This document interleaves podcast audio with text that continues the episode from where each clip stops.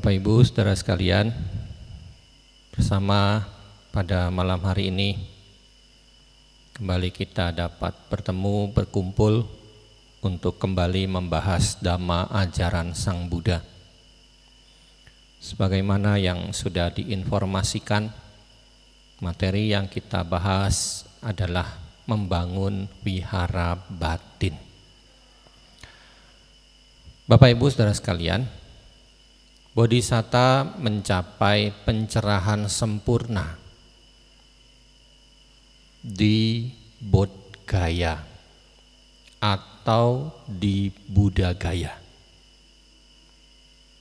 Bodhgaya atau Buddha Gaya adalah bagian dari hutan Urwela atau hutan Gaya di sanalah beliau mencapai pencerahan sempurna.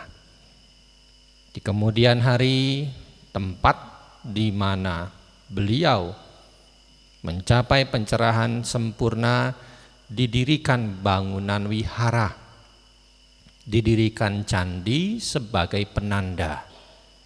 Candi atau wihara tersebut diberi nama Mahabodhi Temple.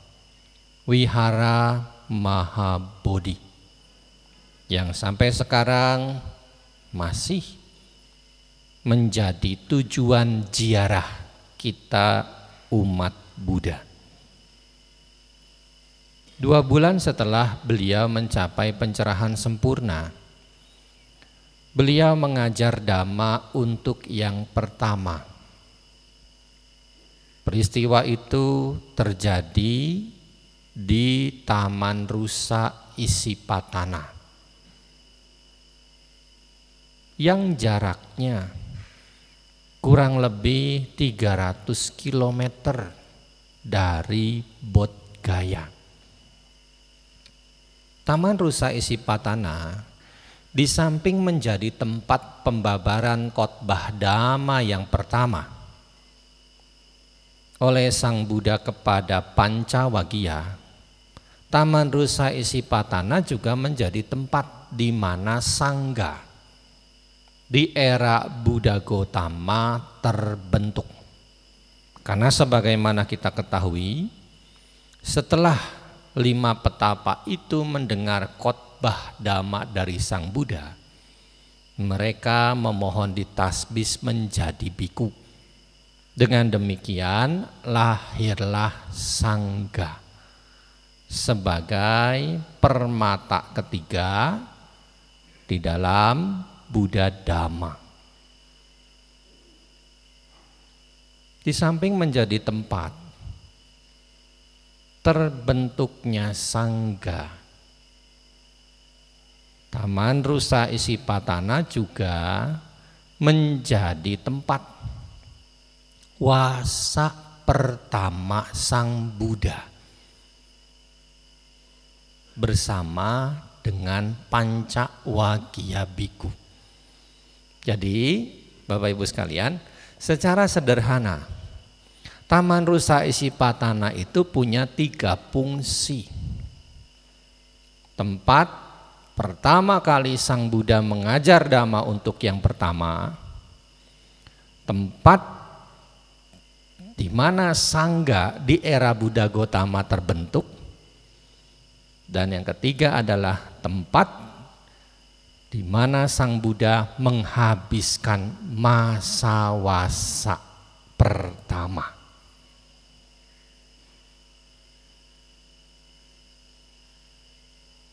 Makanya kalau kita sekarang ke Taman Rusa Isipatana.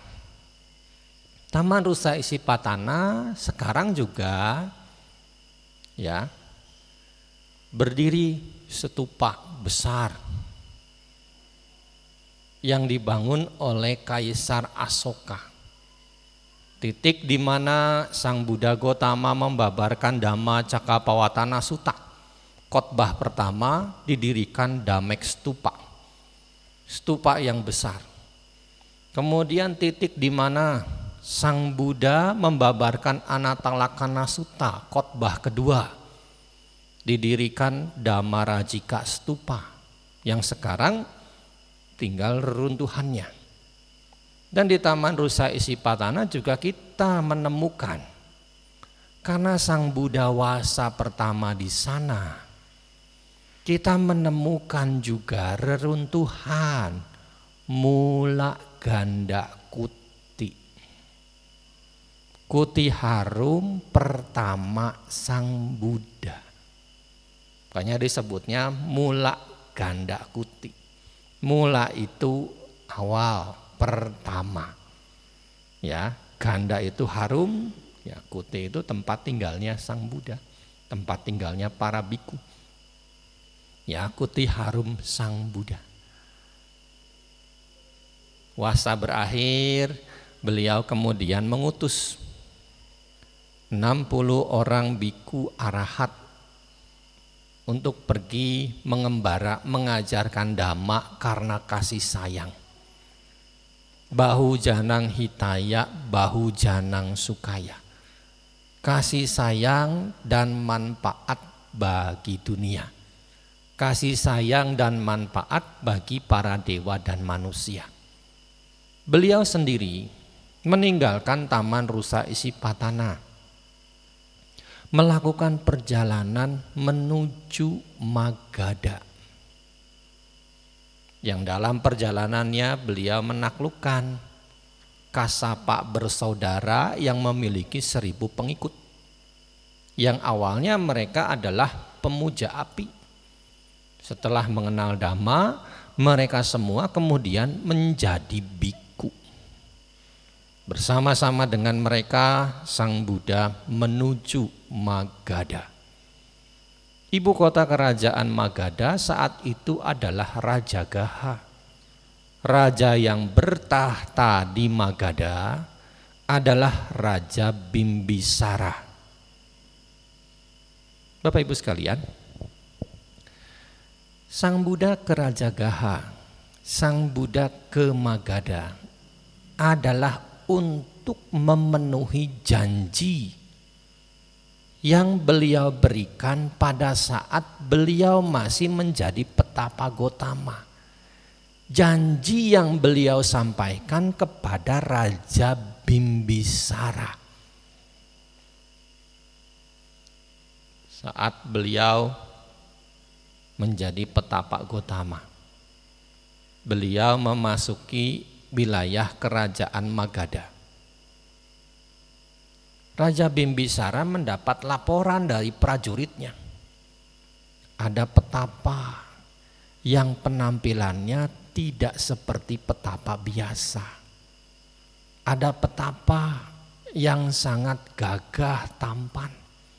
Ada petapa yang kulitnya sangat bersih.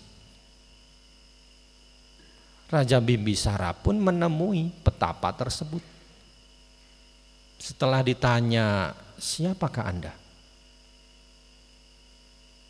Petapa itu menjawab, saya Pangeran Siddhartha, putra mahkota kerajaan Kapilawatu. Kenapa Anda menjadi petapa meninggalkan istana? Apakah Anda tidak mendapat kedudukan di sana? Kalau begitu, kuserahkan separuh kerajaanku.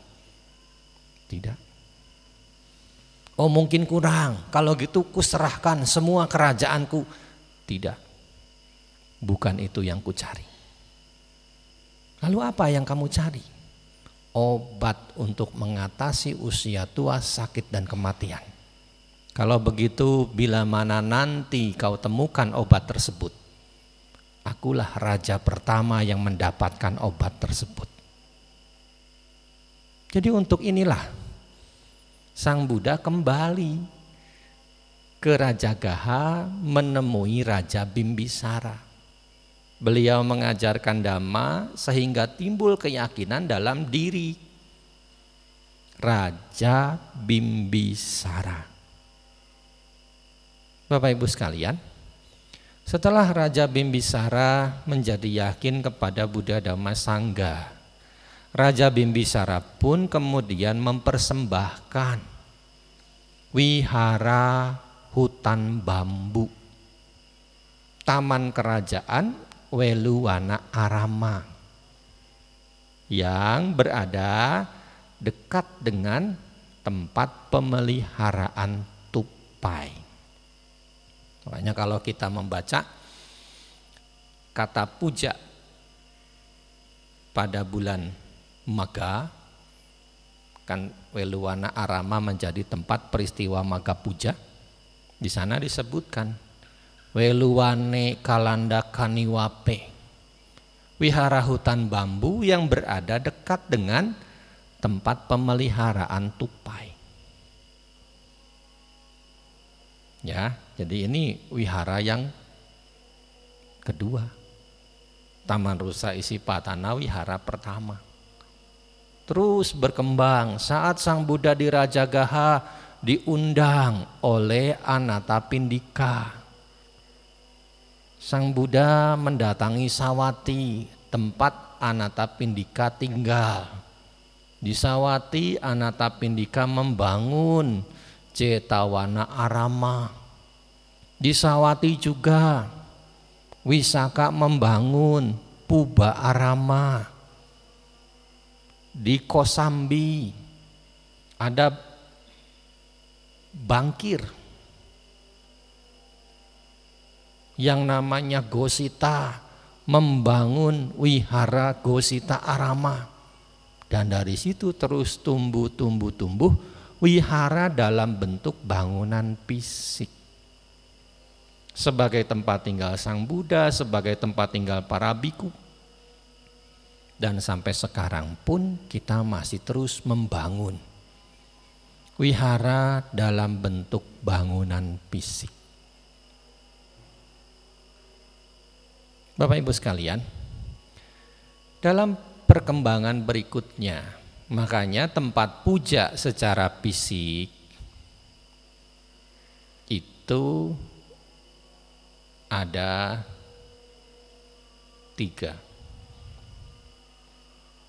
Tempat puja secara fisik itu ada tiga. Ya, ada Udesika Cetia itu berupa benda yang mengingatkan kita kepada Sang Buddha. Bisa berupa patung Buddha, bisa berupa roda dhamma, bisa berupa bendera Buddhis. Pokoknya benda-benda yang membuat kita ingat kepada Sang Buddha. Kemudian ada Datu Cetia benda yang menyimpan sisa jasmani sang Buddha ataupun orang-orang suci. Ini bisa berbentuk setupak dengan segala model, segala macam. Kemudian ada pariboga cetia. Benda atau tempat yang memiliki hubungan pernah digunakan oleh Sang Buddha. Ya, jadi tempat-tempat yang sekarang kita ziarahi kalau kita pergi ke India itu masuk ke dalam kategori pariboga cetia. Tempat mencapai pencerahan, Bodhgaya atau Mahabodhi Temple. Tempat di mana beliau membabarkan dhamma untuk yang pertama. Sarnat, Taman Rusa Isipatana, Kemudian tempat di mana beliau lahir, Maya Dewi Temple. Kemudian Mahaparinirwana Temple di Kusinara. Pohon Bodhi juga termasuk ke dalam Pariboga Cetia. Karena pohon Bodhi pernah digunakan oleh beliau sampai beliau mencapai pencerahan sempurna. Makanya di beberapa wihara sering juga di samping ada setupa, ada juga pohon bodhi didirikan sebagai simbol dari pariboga cetia. Bapak Ibu sekalian, ada sair dalam teks Pali yang biasanya dibacakan dalam tradisi Buddhis di Sri Lanka. Wandami cetiang saba sabetane supatitita. Saririka datu mahaboding Buddha rupang sakalang sada. Aku bersujud di mana pun segala tempat objek puja yang ku temui baik itu stupa, pohon bodi yang agung, ataupun Buddha Rupang. Ya, jadi inilah tempat-tempat puja bagi kita umat Buddha secara fisik, secara berbentuk bangunan, berbentuk gedung. Bapak Ibu sekalian, Secara dhamma, kita ini terdiri dari batin dan jasmani. Kebutuhan kita tentunya harus lengkap. Tidak cuma kebutuhan jasmani, tidak hanya kebutuhan fisik. Ya, kan sehari-hari kita memberi perhatian banyak kepada jasmani ini toh. Kasih makan, dihias, ya kan? Dihias, kemudian dipercantik, diperindah, dibersihkan, dan sebagainya. Tidak hanya memberi perhatian pada jasmani, Bapak Ibu sekalian, kita juga perlu memberi perhatian pada batin. Jasmani kita butuh makan, batin kita juga butuh makan. Ya, makanya kadang-kadang kalau kita lihat banyak orang hanya fokus memberi perhatian pada fisik. Banyak orang hanya fokus memberi perhatian pada jasmaninya. Dia merawat dengan segala macam. Ya, alisnya ditato, disulam, bibirnya juga disulam, ya bulu matanya diapain lah, diginiin lah, digituin lah, hidungnya dioperasi, dagunya dioperasi, tapi batinnya tidak dia perhatikan. Sebenarnya kalau secara dhamma Bapak Ibu sekalian, orang-orang yang melakukan hal-hal seperti itu itu tidak punya pemahaman dhamma. Pemahaman dhammanya rendah sekali. Kenapa? Dia tidak bisa menerima kenyataan hidup. Dia tidak bisa menerima keadaan fisiknya seperti itu. Kan kalau kita kaitkan secara dhamma, baik atau buruk, apa pun yang kita lakukan, itulah yang akan kita terima. Ya toh? Hidung kita pesek, ya terima. Hidung kita mancung, ya terima. Ya kan? Jadi ketika kita tidak bisa menerima kenyataan tersebut, makanya kita mempermak wajah kita, body kita, tubuh kita. Ya, makanya di sini perlu tidak hanya memberi perhatian pada jasmani. Kita perlu juga membangun batin ini. Di dalam dhamma tidak hanya ada wihara fisik, tapi di dalam dhamma juga ada wihara batin. Kalau kita membangun wihara fisik, butuh banyak dana ya butuh banyak tenaga, butuh banyak biaya, butuh banyak hal yang perlu kita kuras. Kadang juga butuh banyak pemikiran. Nah, Untuk membangun wihara batin ini tidak perlu biaya. Ya, untuk membangun wihara batin ini tidak perlu biaya. Wihara batin yang perlu kita bangun di dalam diri kita ada empat. Yang pertama adalah Brahma Wihara. Yang kedua adalah Dibawihara. Yang ketiga adalah Dhamma Wihara. Dan yang keempat terakhir adalah Arya Wihara. Ya, Brahma Wihara, Diba Wihara, Dhamma Wihara, Arya Wihara.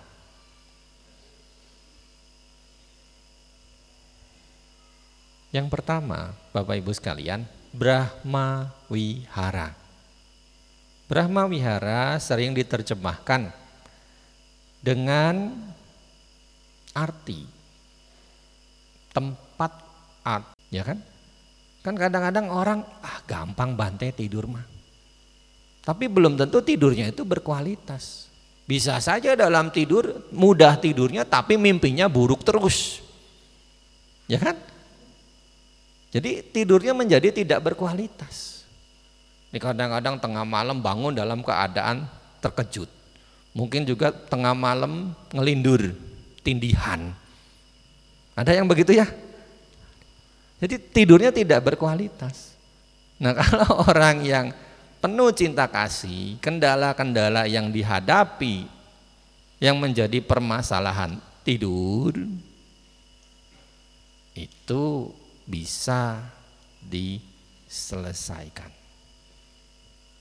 Ya makanya kalau Bapak Ibu malam tidak bisa tidur, gelisah. Mengisi batin dengan pemikiran cinta kasih. Melandasi diri dengan pemikiran cinta kasih. Dicintai oleh sesama manusia. Dicintai oleh makhluk bukan manusia. Kadang-kadang kalau saya nyeritain begini, nanti Bante makhluk halus deket-deket sama saya Bante. Ya enggak lah, ya minimal ya makhluk lain yang terdekat dengan kita. Ya seperti hewan-hewan gitu kan. Jadi jangan langsung berpikir, wah kalau saya penuh cinta kasih nanti makhluk-makhluk halus malah mencintai saya. Gimana? Jangan berpikir demikian. Ya kalaupun seandainya mereka istilahnya uh, respect dengan kita, tentu kalau kita melandasi diri dengan cinta kasih, mereka mendekati bukan untuk mengganggu. Ya toh? Mereka mendekati bukan untuk mengganggu. Ada cerita di dalam Wisudi Maga. Ada seorang biku yang selalu meditasi cinta kasih. Satu kesempatan biku ini melakukan perjalanan pergi ke satu wihara. Dia seorang diri. Zaman dulu nggak ada apa itu dinas pekerjaan umum ya yang biasa suka masang pelang di jalan. Kalau jalan bercabang kan ada pelangnya toh. Itu tugasnya apa? Dinas pekerjaan umum ya, dishub ya. Zaman dulu nggak ada pelangnya. Dalam perjalanan biku ini menemui jalan yang bercabang. Pertigaan.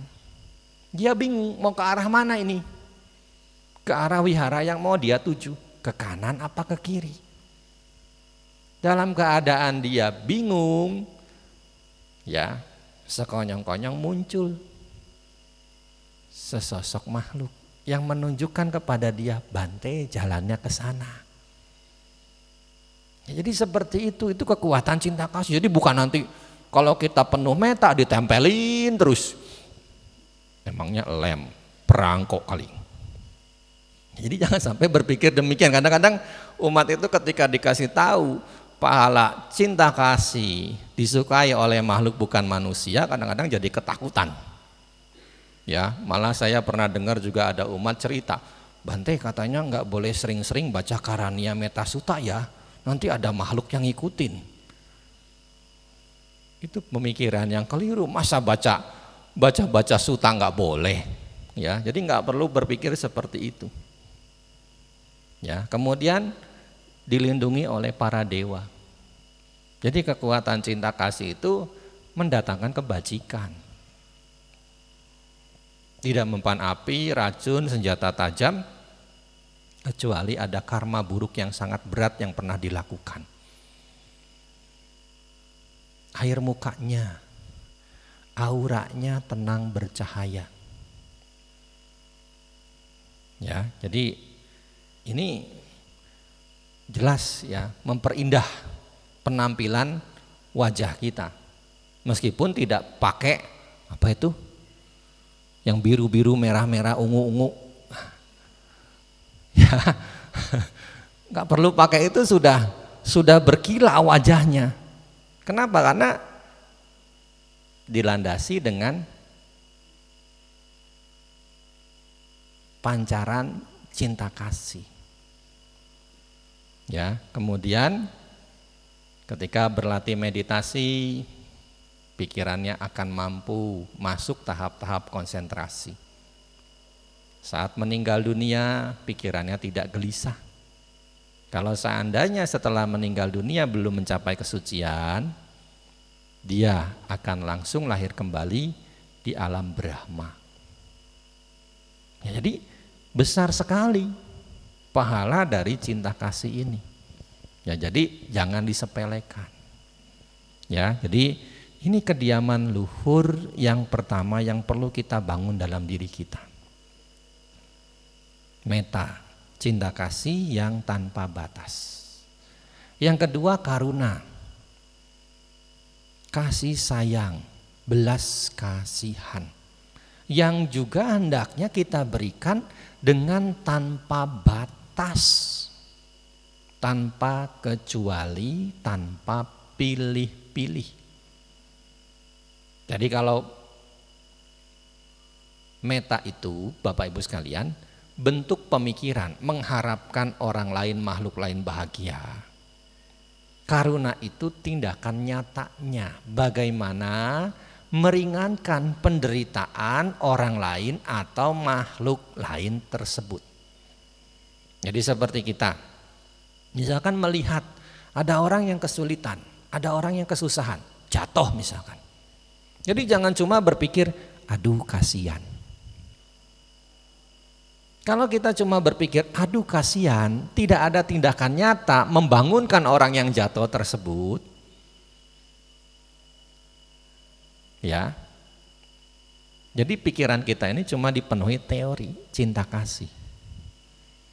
Tidak ada tindakan nyatanya. Jadi ketika kita mengulurkan tangan, menolong, membantu orang yang kesulitan, itu sifatnya karuna. Ya, jadi ada actionnya. Tidak hanya sekedar di pikiran semoga semua makhluk hidup bahagia, tapi ketika berhadapan di depan mata kepala sendiri ada orang yang kesulitan, ada makhluk yang kesulitan. Kita membiarkan kesempatan untuk praktek karuna berlalu. Berarti pemahaman kita cuma sebatas cinta kasih saja. Ya, jadi harus didasari juga dengan karuna. Karena kediaman luhur itu empat, tidak hanya satu. Brahma Wihara itu empat, tidak hanya satu. Jadi ada action nyatanya. Ya, kita melihat di tempat lain, di daerah lain, mungkin ada yang kena bencana, kita mendengar, aduh kasihan. Tapi cobalah ada action nyata. Apa? Mengirim bantuan misalkan.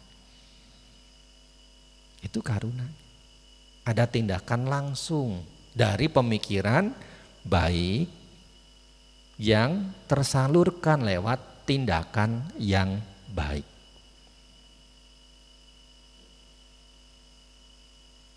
Yang ketiga, mudita, simpati. Secara sederhana sering diterjemahkan, senang melihat orang lain senang.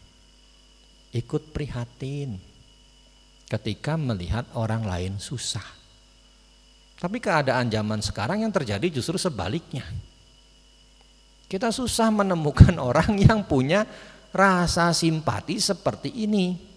Banyak orang di zaman sekarang justru seneng lihat orang lain susah. Susah lihat orang lain seneng. Nah sebagai umat Buddha buang jauh-jauh pemikiran jelek seperti itu. Sebagai umat Buddha harus punya mudita, rasa simpati. Ya, seneng melihat orang lain seneng, ikut prihatin melihat orang lain susah. Nah, jadi kan kadang-kadang yang terjadi sekarang ketika orang lain kesulitan. Kita bukannya meringankan kesulitan dia dengan cara membantu, menolong atau memberi motivasi. Sekarang banyak yang cenderung syukurin, syukurin. Ya toh?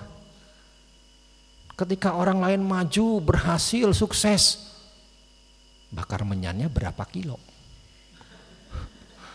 Iya toh? Banyak yang seperti itu.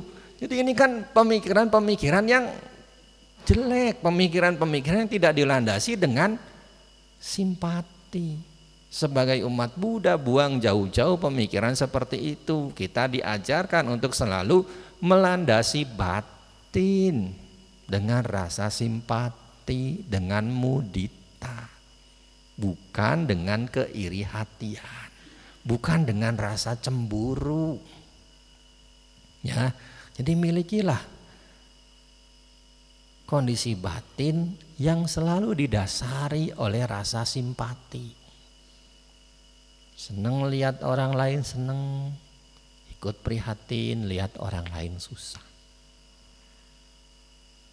Yang terakhir, yang keempat Bapak Ibu sekalian adalah UPK. Kondisi batin yang tenang seimbang ya kondisi batin yang tenang seimbang. Tidak mudah gelisah. Menghadapi kenyataan-kenyataan hidup yang terjadi. Di zaman Sang Buddha ada seorang upasika yang bila mana ada pembabaran dhamma dia selalu hadir. Dan dia menyimak dengan penuh perhatian, dengan penuh keyakinan. Satu kesempatan pembantunya datang ke wihara mendekati dia. Pembantunya membisikkan, "Nyonya, di rumah baru saja ada pencuri masuk. Barang-barang di rumah banyak yang digondol pencuri." Tapi upasika ini tidak terkejut. Tidak langsung kemudian beranjak, ayo kita pulang. Tidak.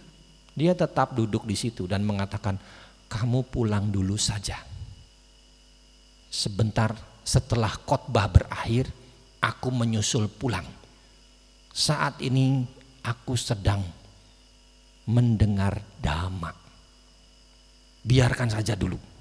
Lebih baik kamu pulang dulu, jaga rumah ya sekarang aku biar di sini dulu mendengar dhamma. Nanti bila mana sudah selesai baru aku pulang. Bisakah kita seperti ini? Bisakah kita seperti ini? Jangankan rumahnya kecurian. Ya kalau kita sekarang begitu ada dert, dert, dert. Pesan masuk aja. Pada saat kita mendengar dhamma, mana yang lebih kita dahulukan? Tetap fokus mendengar, apa membuka pesan yang masuk? ya kan? Jadi kan kita cenderung mengalihkan perhatian kita, fokus kita yang sudah terfokus yang sudah penuh perhatian mendengar dhamma teralih oleh pesan yang masuk. Dan kita pasti menyibukkan dulu membalas pesan ini. Ya, kadang-kadang ada yang ceramah, telepon masuk tetap diangkat. Mending-mending kalau dia keluar dari barisan, kadang-kadang tetap duduk di tempat.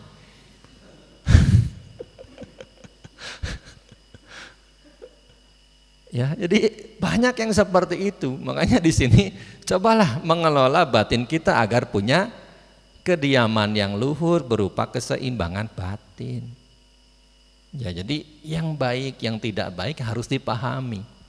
Semua adalah buah atau akibat dari perbuatan kita sendiri.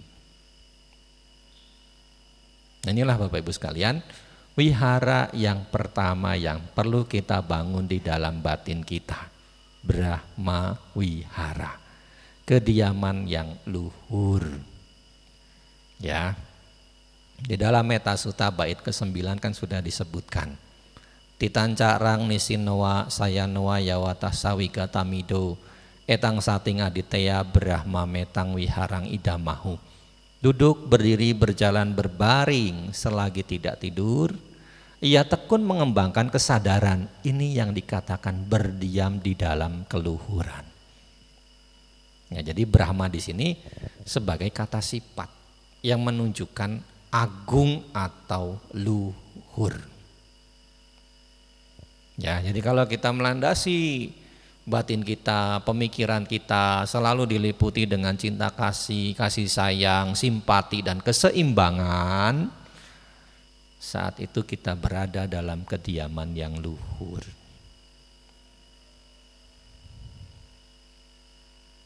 Wihara yang kedua adalah Diba Wihara.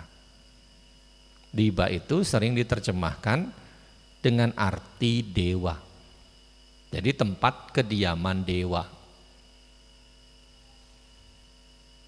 Ada dua di Bawihara. Yang pertama adalah hiri, yang kedua adalah otapa. Hiri dan otapa sering juga disebut lokapala dama. Dama pelindung dunia. Hiri adalah rasa malu untuk berbuat jahat. Otapa adalah rasa takut akan akibat dari perbuatan jahat. Kita perlu membangun hiri dan otapa ini juga di dalam batin kita. Di dalam mentalitas kita. Rasa malu untuk berbuat jahat perlu kita munculkan di dalam diri kita Ya. Bapak Ibu sekalian, dalam beberapa buku dijelaskan bagaimana caranya memunculkan rasa malu untuk berbuat jahat. Kita bisa melihat status kita saat ini sebagai apa. Bukan untuk memunculkan keakuan, tapi untuk memunculkan rasa malu untuk berbuat jahat. Seperti bapak-bapak, ibu-ibu yang sudah punya keluarga, punya putra dan putri. Misalkan ada niatan untuk berbuat jahat muncul. Ingat statusnya sebagai apa?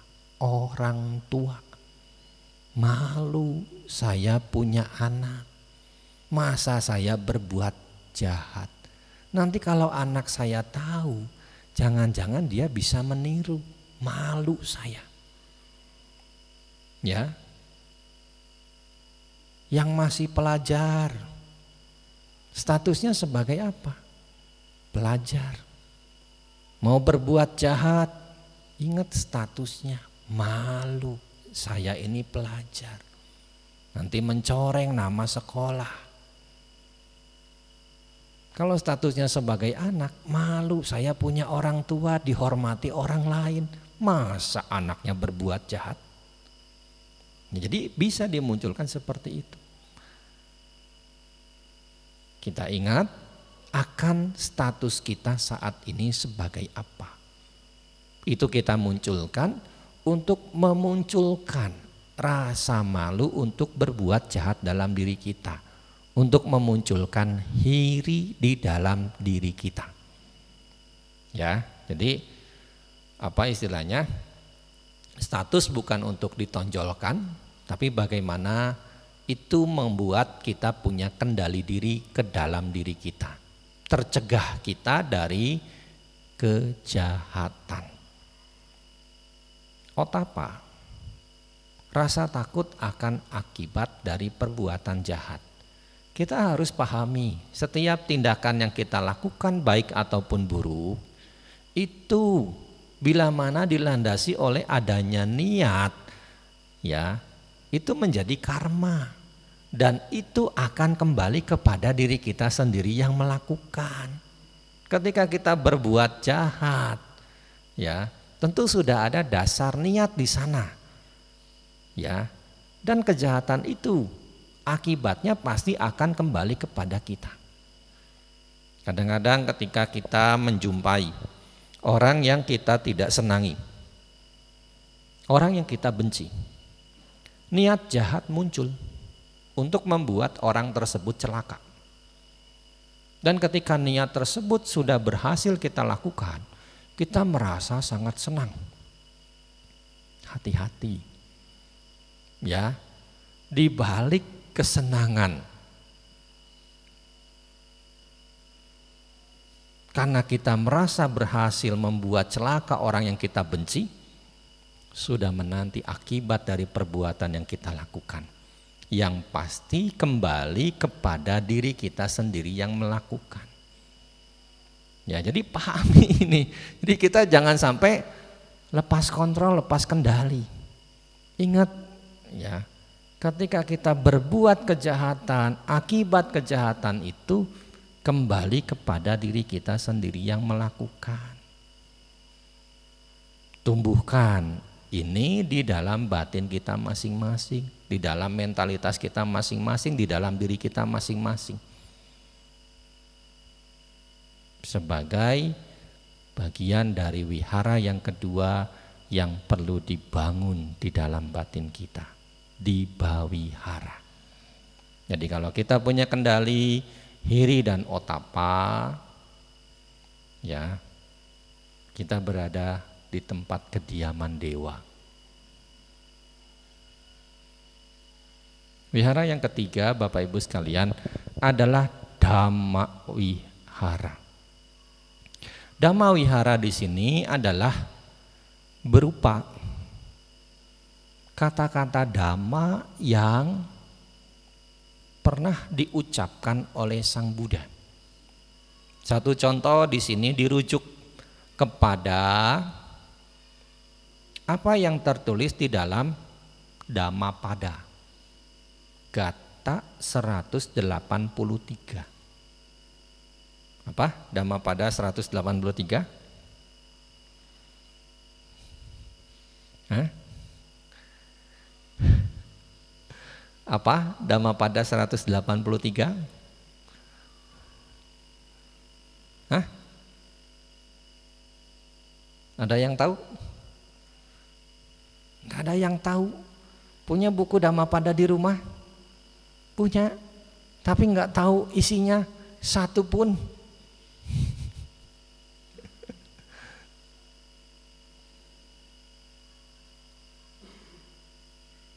Apa?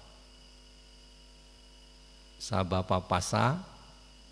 Nah itu ya. Jadi itu itu bagian dari Dhamma Wihara salah satu contohnya. Sabapa pasa akaranang kusala supasampada sacita paryoda panang etang budana sasanang. Berhenti berbuat jahat tambahlah kebajikan, bersihkan pikiran. Inilah ajaran semua Buddha. Ya. Jadi ini Dhamma Wihara. Jadi ketika kita mengingat gata ini, ya. Ketika kita hidup berpedoman kepada gata ini, kita memiliki tempat kediaman Dhamma. Dhamma Wihara. dhamma wihara. Ya, ini wihara yang ketiga.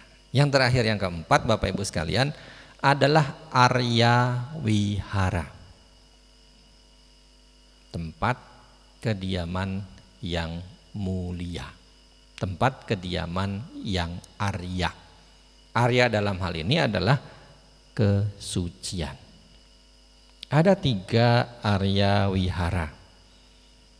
Yang pertama adalah sila, yang kedua adalah samadhi, yang ketiga adalah panya. Sila moral. Sebagai upasaka-upasika terkendali dalam lima latihan sila. Sehari-hari berusaha menjaga dengan baik lima latihan sila itu. Tekad untuk menghindari pembunuhan, tekad untuk menghindari pencurian, tekad untuk berperilaku seksual yang salah, tekad untuk tidak berbohong, dan tekad untuk tidak mabuk-mabukan. Itu dipegang dengan teguh. Ya. Kalau ini bisa dijaga dengan baik, berarti Bapak Ibu sebagai upasaka upasika di dalam batin sudah membangun Arya Wihara yang pertama. Ya, sering kali sila itu dinyatakan sebagai pondasi. Di dalam salah satu sultan juga disebutkan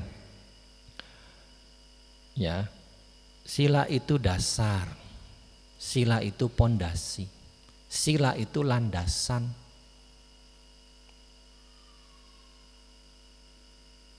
Makanya bangunlah pondasi ini dengan kuat. Karena kalau pondasinya kuat, nanti bangunannya juga bisa kokoh.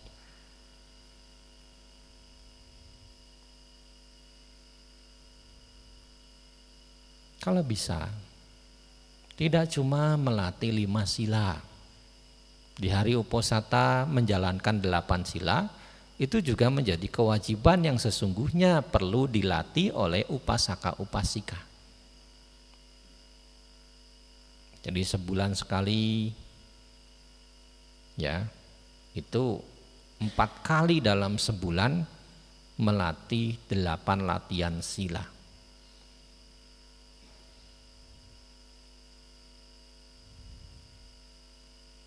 Sebagai upaya agar pondasi yang dimiliki itu makin kuat.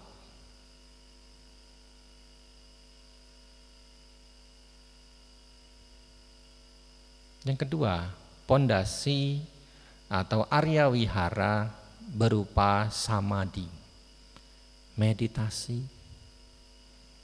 Ya, yang lalu kan saya sudah nanya ya, ada latihan meditasi, ada. Malam minggu besok ya. Ini yang hadir berapa? 60-an ini. Coba besok meditasi. Ada nggak sampai enam orang?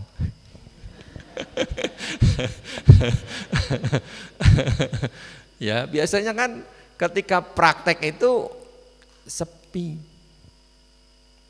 Ya, peminatnya sedikit.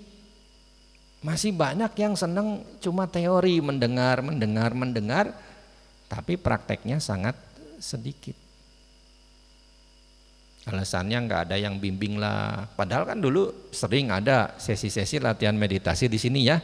Berarti kan sudah ada bimbingan dasar. Ya tinggal nerusin aja apa yang sudah didapat waktu ikut sesi-sesi tersebut. Kalau ada kendala ya nanti pas ada biku yang datang bisa dipertanyakan. Mentoknya di mana, kesulitannya di mana. Ya, jadi rutinitas latihannya diteruskan. Jadi jangan cuma pas ada sesi meditasi sehari baru giat. Sesi meditasi tiga hari baru giat. Tapi rutinitas keseharian nggak ada. Ya, jadi perlu dibangun setiap hari. berlatih kesadaran. Ya seperti tadi saja yang sederhana. Kalau Bapak Ibu sulit mengamati napas masuk, napas keluar. Kalau Bapak Ibu sulit mengamati kembung kempes perut. Seperti tadi, duduk, berdiri, berjalan, berbaring, ngucap semoga semua makhluk hidup bahagia. Itu sudah meditasi sesungguhnya. Ya, itu sesungguhnya sudah meditasi. Yang sederhana saja. Aduh Bante, kalau lagi duduk meditasi itu pikirannya liar. Ya wajar dong baru mulai latihan kok. Ya kan? Baru mulai duduk berlatih meditasi kok ya wajar pikirannya ini masih ruwet lari sono lari sini lari sono lari sini. Ya wajar. Makanya kan dalam Dhammapada diumpamakan pikiran itu seperti ikan yang diangkat ke darat. Ya, ketika ikan yang hidup di air diangkat ke darat kan dia menggelepar menggelepar. Ya sama seperti itu pikiran juga. Atau kadang-kadang diumpamakan seperti monyet yang lompat sono lompat sini. Ya. Ketika kita tidak pernah melatihnya kan makin liar toh. Tapi sebaliknya kalau kita melatihnya, ya kan, lama-lama juga akan menjadi jinak. Ya. Sekarang kalau kita stres, yang stres itu fisik kita apa pikiran kita? Pikiran kita. Ya. namanya sebelum stres ya bangun Arya Wihara yang kedua yaitu berlatih samadhi. Berlatih meditasi, dirutinkan. Nah, besok bisa nggak datang lagi ke sini untuk sama-sama meditasi? Hah? Kesemutan Bante wajar. Baru mulai duduk. Wajar, kita masih hidup bukan batu. Jadi masih mengalami kesemutan. Ya kan? Iya. Jadi itu hal-hal yang wajar sekali tidak perlu dirisaukan, tidak perlu ditakutkan. Kan kadang-kadang keluhannya kakinya sakit Bante. Wajar. Ya namanya orang hidup ya. Jangankan duduk bersih lah, duduk biasa sepertinya aja kalau kita diam aja juga sama kaki kita kesemutan toh ya. Iya. Wajar. Ya, jadi itu hal-hal yang alamiah sifatnya. Nah kalau kita sudah rutin, sering kali kita lakukan, nanti fisik juga menyesuaikan.